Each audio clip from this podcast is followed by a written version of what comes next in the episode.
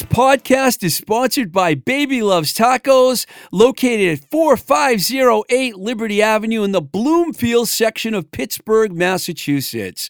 Baby Loves Tacos recently opened the second location under the moniker of Baby Loves Tacos Thunderdome, which is located in the Oxford building at 116 Meyran in the Oakland section of Pittsburgh, right smack in the middle of the University of Pittsburgh campus. Check out the BLT website, babylovestacospgh.com, and stay tuned for the spring opening of the Give and Go Market, which will be right next door to the Bloomfield locale at 4 510 Liberty Ave. And please head over to Baby Love Tacos. Say hi to my friends Zach, Kat, Kaz, and of course the Sandman, John Sandy, and tell them Twisted Rico sent you. Baby Loves Tacos, where everybody eats. Welcome to Blowing Smoke with Twisted Rico. I'm your host, Steve Ricardo, coming to you from the heart of Somerville, Massachusetts, as Willie Loco Alexander used to say, some, some Somerville okay, it feels a little strange to be here at Voice Motel on a Friday since we usually record on Saturdays, but with the impending, ooh, scary nor'easter, which has the mass holes running around and stocking up on milk and bread, it's like the end of the world around here. I'm not kidding, man. Driving around the day before a storm in Massachusetts where the drivers are already friggin' crazy, you don't want to be in the middle of that. Okay, let's talk about other stuff. Very excited this week to have our second live performance right here at Voice Motel. Jesse Ahern, who just put out a new album entitled Heartache and Love and will be heading out on the road supporting the Dropkick Murphys, is going to play a tune for us in just a few minutes. Jesse's been on the scene here in the Boston area and touring now for over a decade, so I'm pretty excited to have him in here and playing and that's going to happen shortly. So I've been clearing the fog from my head. I actually think in the interview, the fog came back to my head. like a lot of people are saying they have the COVID fog. And I'm telling you, man, I really do believe I have it. And it, and it ain't no picnic, in the words of the Minutemen. It's really weird, man. The, the, the whole thing has been weird to me. And then, you know, I'm okay for a little while. Then, bingo, I'm laying on my bed for an hour feeling like it's happening all over again. So at this point, I'm just happy to be here and doing the show and surviving the fog. Okay, I hate to do this, but I have to lay some very sad news on you guys.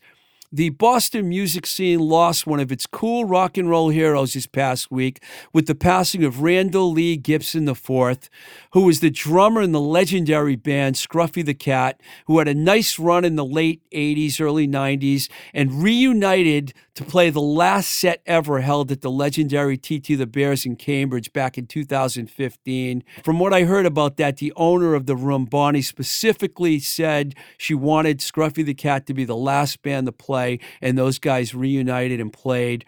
I saw Randall 2019, actually, a couple years ago at a Liars show at Once Ballroom down the road from here. He always had that rock star appeal about him. And, you know, he's really cool dude. And I'm very sorry to hear about his passing. So I want to just give the best to his family and all his friends. Rest in peace, Randall Gibson. Okay, so Jesse Ahern has been on a bit of a roll last few years. His new album, Heartache and Love, is really good. I got a copy of it sent to me. It's on beautiful white vinyl. You know how much I love vinyl. Uh, you could check out his other records. He's got like five of them out on his website, jesseahern.com. So I suggest you check him out and you can find out about all the tour dates. And he's going to culminate that tour with a bunch of dates at the House of Blues in Boston, once again opening for the Dropkick Murphys. All right, so we're going to let Jesse take over now. He's going to play a song for us right here in the studio. This is a song called Just a Moment, and it's live from Voice Motel.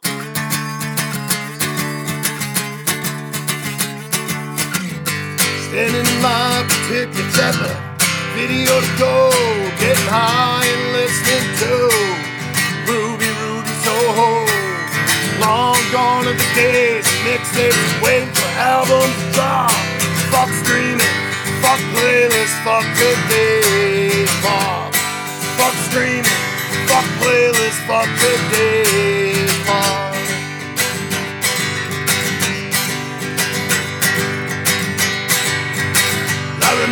I remember Jagger and Richard Wood start me up in the car stereo playing, the harder they come. And the Beastie Boys rhyming and stealing old school hip hop.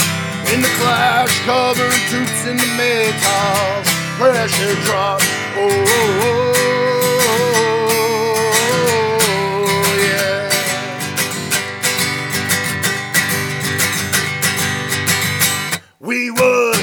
talk the talk, we would walk the walk. We had nothing to lose. We were punching no clock. We were wild and hard. It was good till it was gone.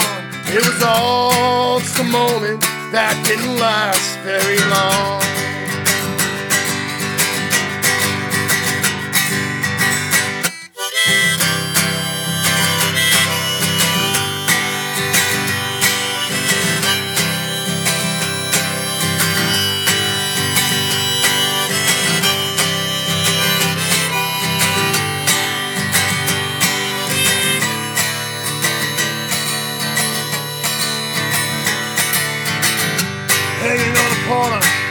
Never wanted to go home.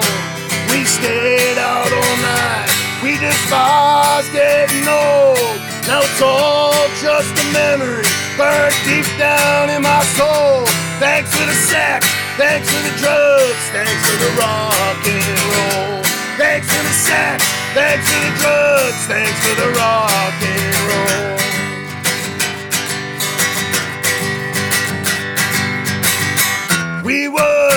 Talk the talk, we would walk the walk. We had nothing to lose, we weren't punching no clock. We were wild and hard, it was good till it was gone.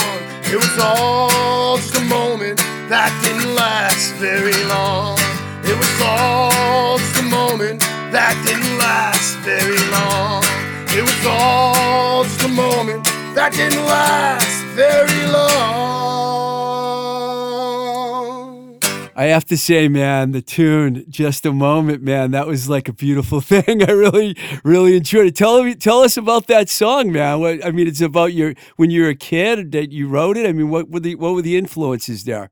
What were the influences in just a moment? Yeah, I think it was a, you know, I was thinking back about um how people don't go to record stores anymore to buy tickets for shows, right? And I was thinking about being a little kid and, you know, a teenager, I suppose, and and, and growing up in Squantum, uh, North Quincy, Massachusetts, and um, we went and we went to um, Video to Go to get our our tickets, you know, and um, that just popped into my head, and then the song kind of wrote itself. You know, all those bands I mentioned, that's what I was listening to at the time. You know, and um, it kind of goes. I guess it goes full circle, right? Because I, I don't know. I haven't listened to it in a while. I love I love tribute songs, man. It's like a tribute to the stuff you grew up listening to because you dropped a lot of names in there, man. That was good. I think so. You know, it was um. And the sex and the drugs and the rock and roll. Yeah. That's- you can't go wrong with that. Yeah, I guess it's. Uh, I'm I'm getting older, and I have kids. You know, I have a 14 year old son.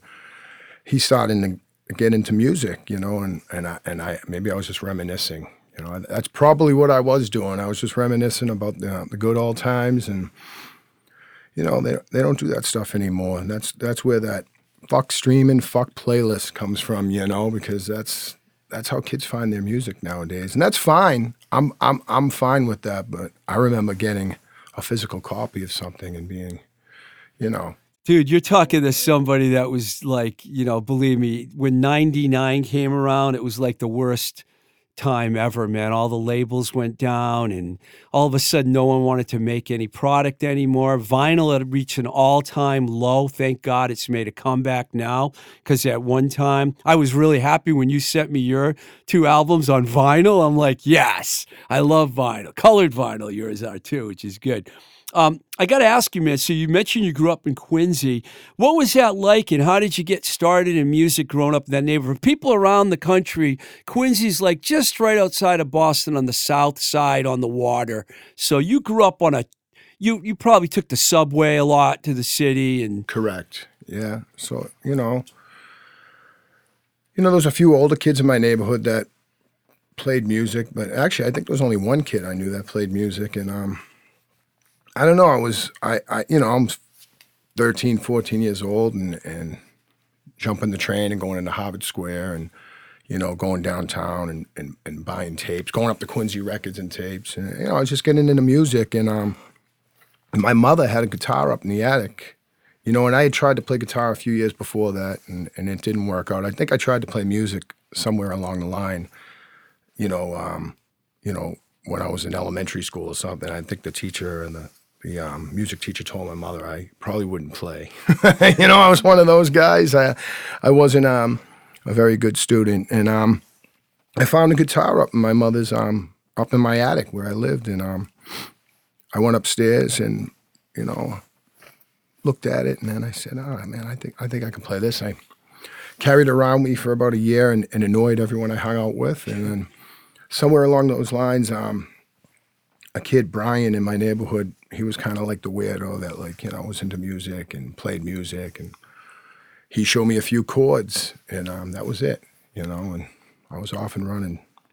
There's been some other rockers that have come from the Quincy area, the Barton brothers, you know, from the Outlets, and Rick, who was in the, the original uh, Dropkick Murphys guitar player, and Chris Doherty and them are from Braintree, which is pretty close to that neighborhood, Yeah. right down the road. Um, when when did you actually once you got that guitar? When did you realize you wanted to start playing, and when did you start playing out, and what kind of gigs did you do? Um, so it took me a little while to find people that were like like minded, you know. So like a lot of my teenage years was just playing, practicing, and somewhere around eighteen or nineteen, I started going out um, to the subway, and, I was Oh, you played. Uh, you yeah, I was I busked. Yeah, I used to play down in Davis Square, and you know, all, all around. And um, from there, I, I started doing the open mic nights, and um, you know, the rest is history. I, I I I started playing with some kids from my neighborhood, and we we um started like a bar band, I guess you would say, and started doing all the places in Quincy, the Beachcomber, which was probably then I don't even know what it was then. Did that place close recently? Oh, it's been a few years. Oh man, it's been a long time.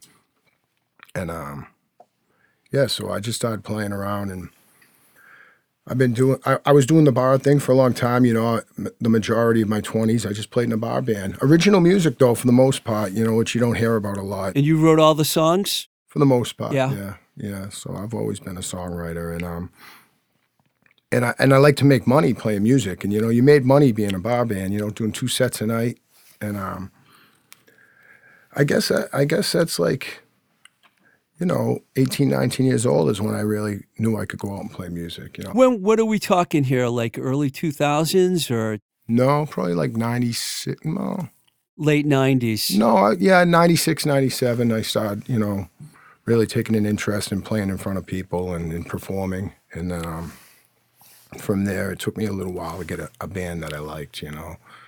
So somewhere in the early 2000s, I started Yeah. venturing out of Quincy and playing Somerville, like we talked about the Abbey Lounge. You know, Yeah. I started playing gigs at the Abbey and, and um, some other places around town. And, you know, did some out of state gigs. And I don't know. You paid your dues.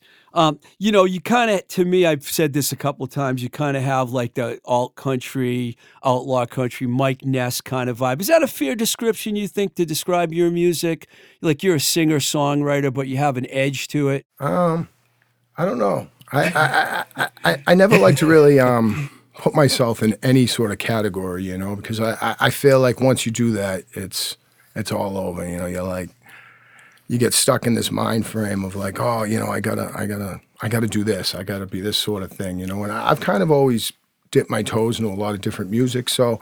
But to be fair, yes, maybe I have a little bit of that alt country sound or like, you know, that Americana sound. Is that what they call yeah, it? Americana. Exactly. Yeah, I, I guess that's a fair, you know, fair uh, comparison. It's not an insult or anything because I think there's a lot of really good bands that come from that genre, you know.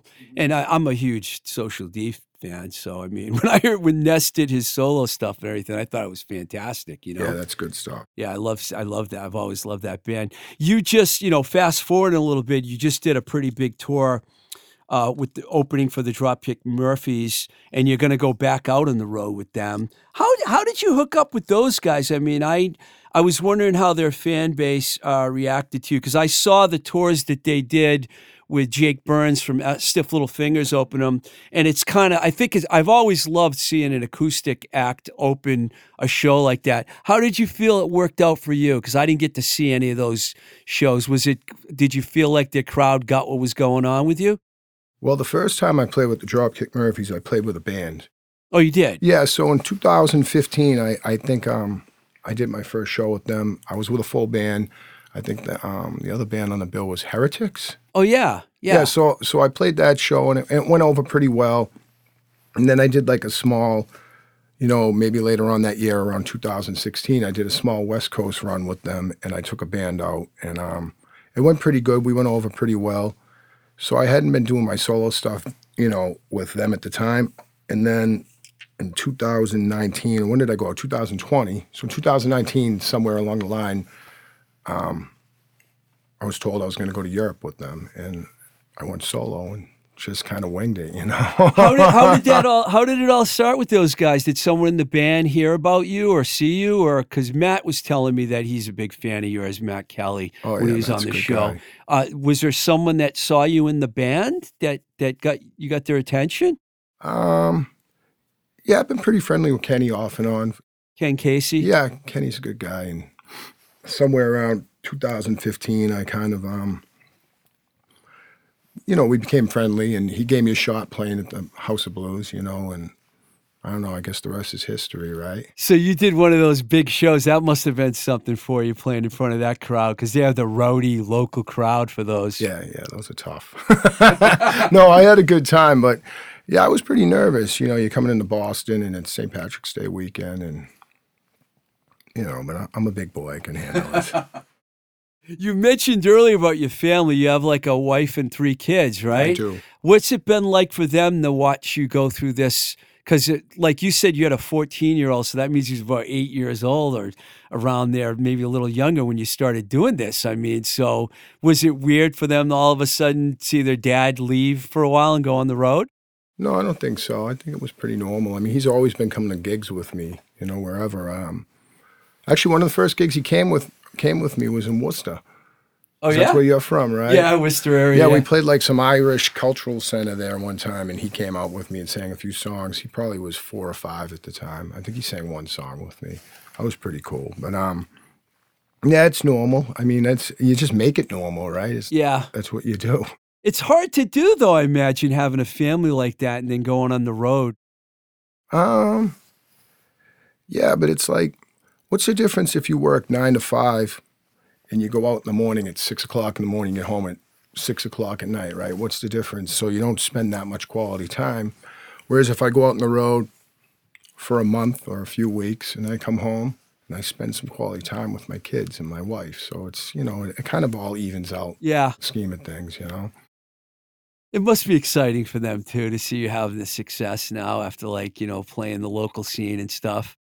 Yeah, it's pretty cool. Yeah. Yeah, I think my wife really digs it. You know, without her, I should probably give her more props when I do these things. She's the best. She's the stone. You know, I mean, she is the foundation of what I'm doing. You know, Because you don't really have a label or a manager or an agent or anything. You're pretty much doing this on your own, right? I am. Yeah, Which I love, by the way. As a former manager and a label guy, I can appreciate the fact that you're doing it on your own. So your family's really your your main uh, support mechanism for what you're doing. absolutely. Yeah. absolutely.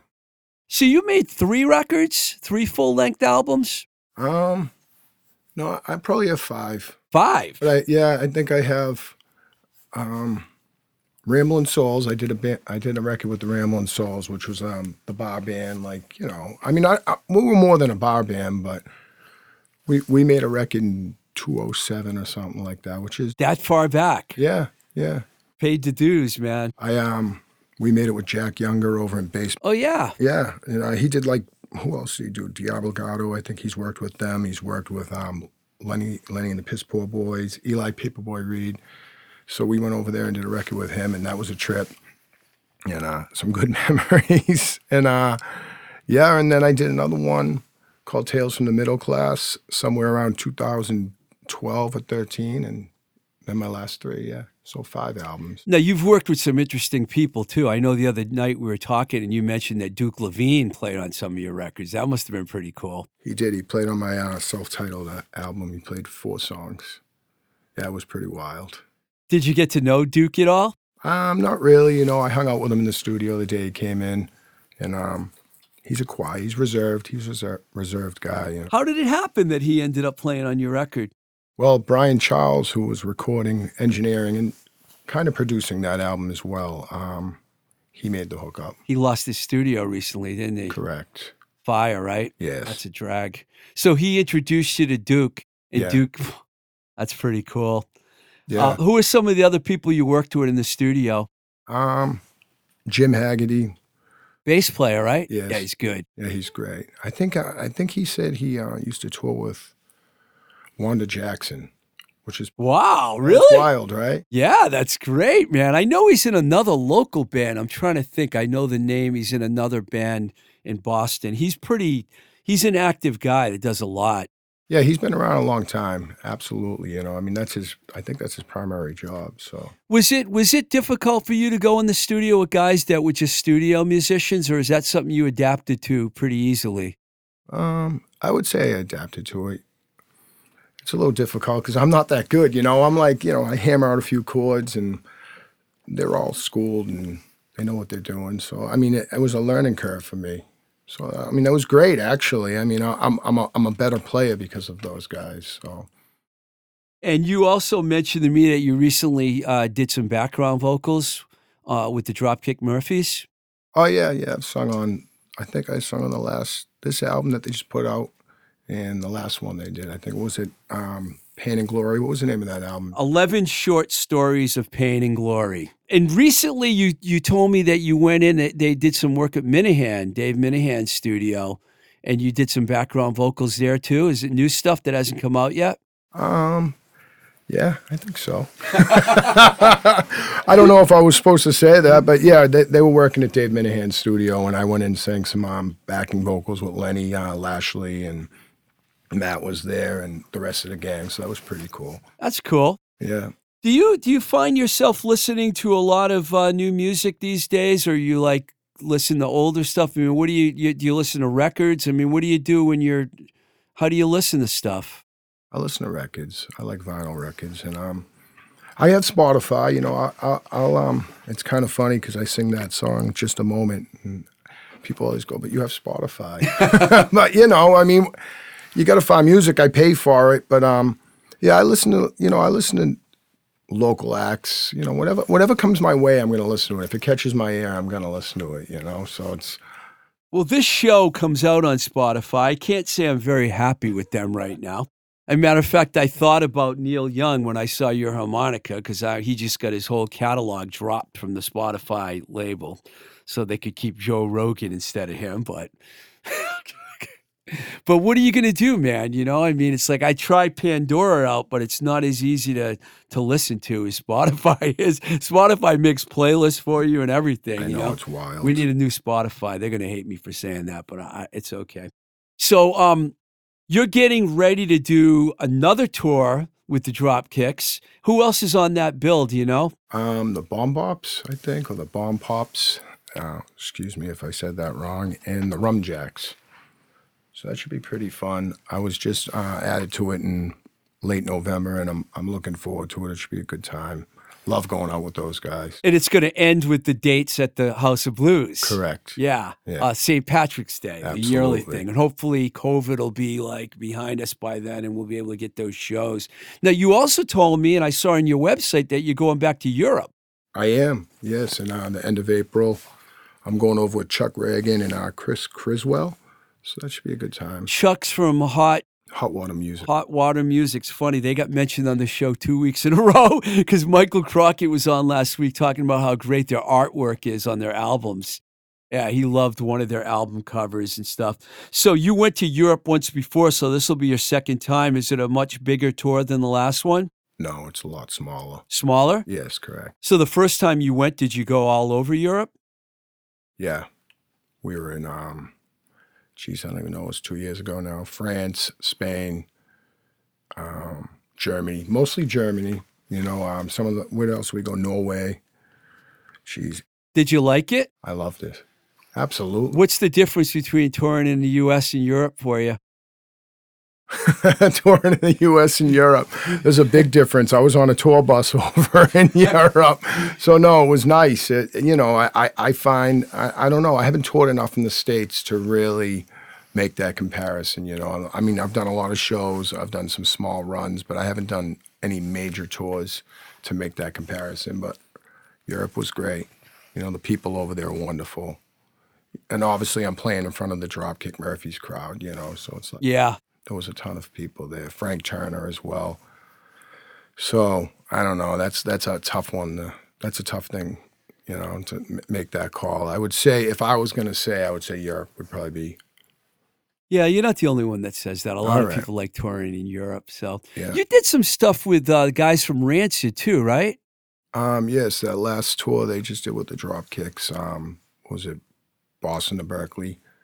What I wanted to ask you is like you've gotten a- you've you seem to have made some real strides with your music in the last couple of years. Do you have like a lot of goals that you're trying to fulfill now? Like what do you want to do now? Do you know where what your plans are for the future? Or are you just taking it day by day? I just keep it in a day. You know, I, I feel like if you have any aspiration in the music business, you're going to be let down, right? is that is that's true, right? I mean, you know. So no, I just try to keep in the day. I mean, I've been a lucky. I've been lucky. You know, I've had some. Um, I've had some good shows thrown my way in the last few years, and and I'm just taking them as they go. And you know, if something comes about, then great. I'm going to take it on. But for now, I'm just going to keep it right here. That's cool, man. Well, you know, um, I wish you the best of luck, man, with everything you're doing. I mean, I think I think it's great that you're.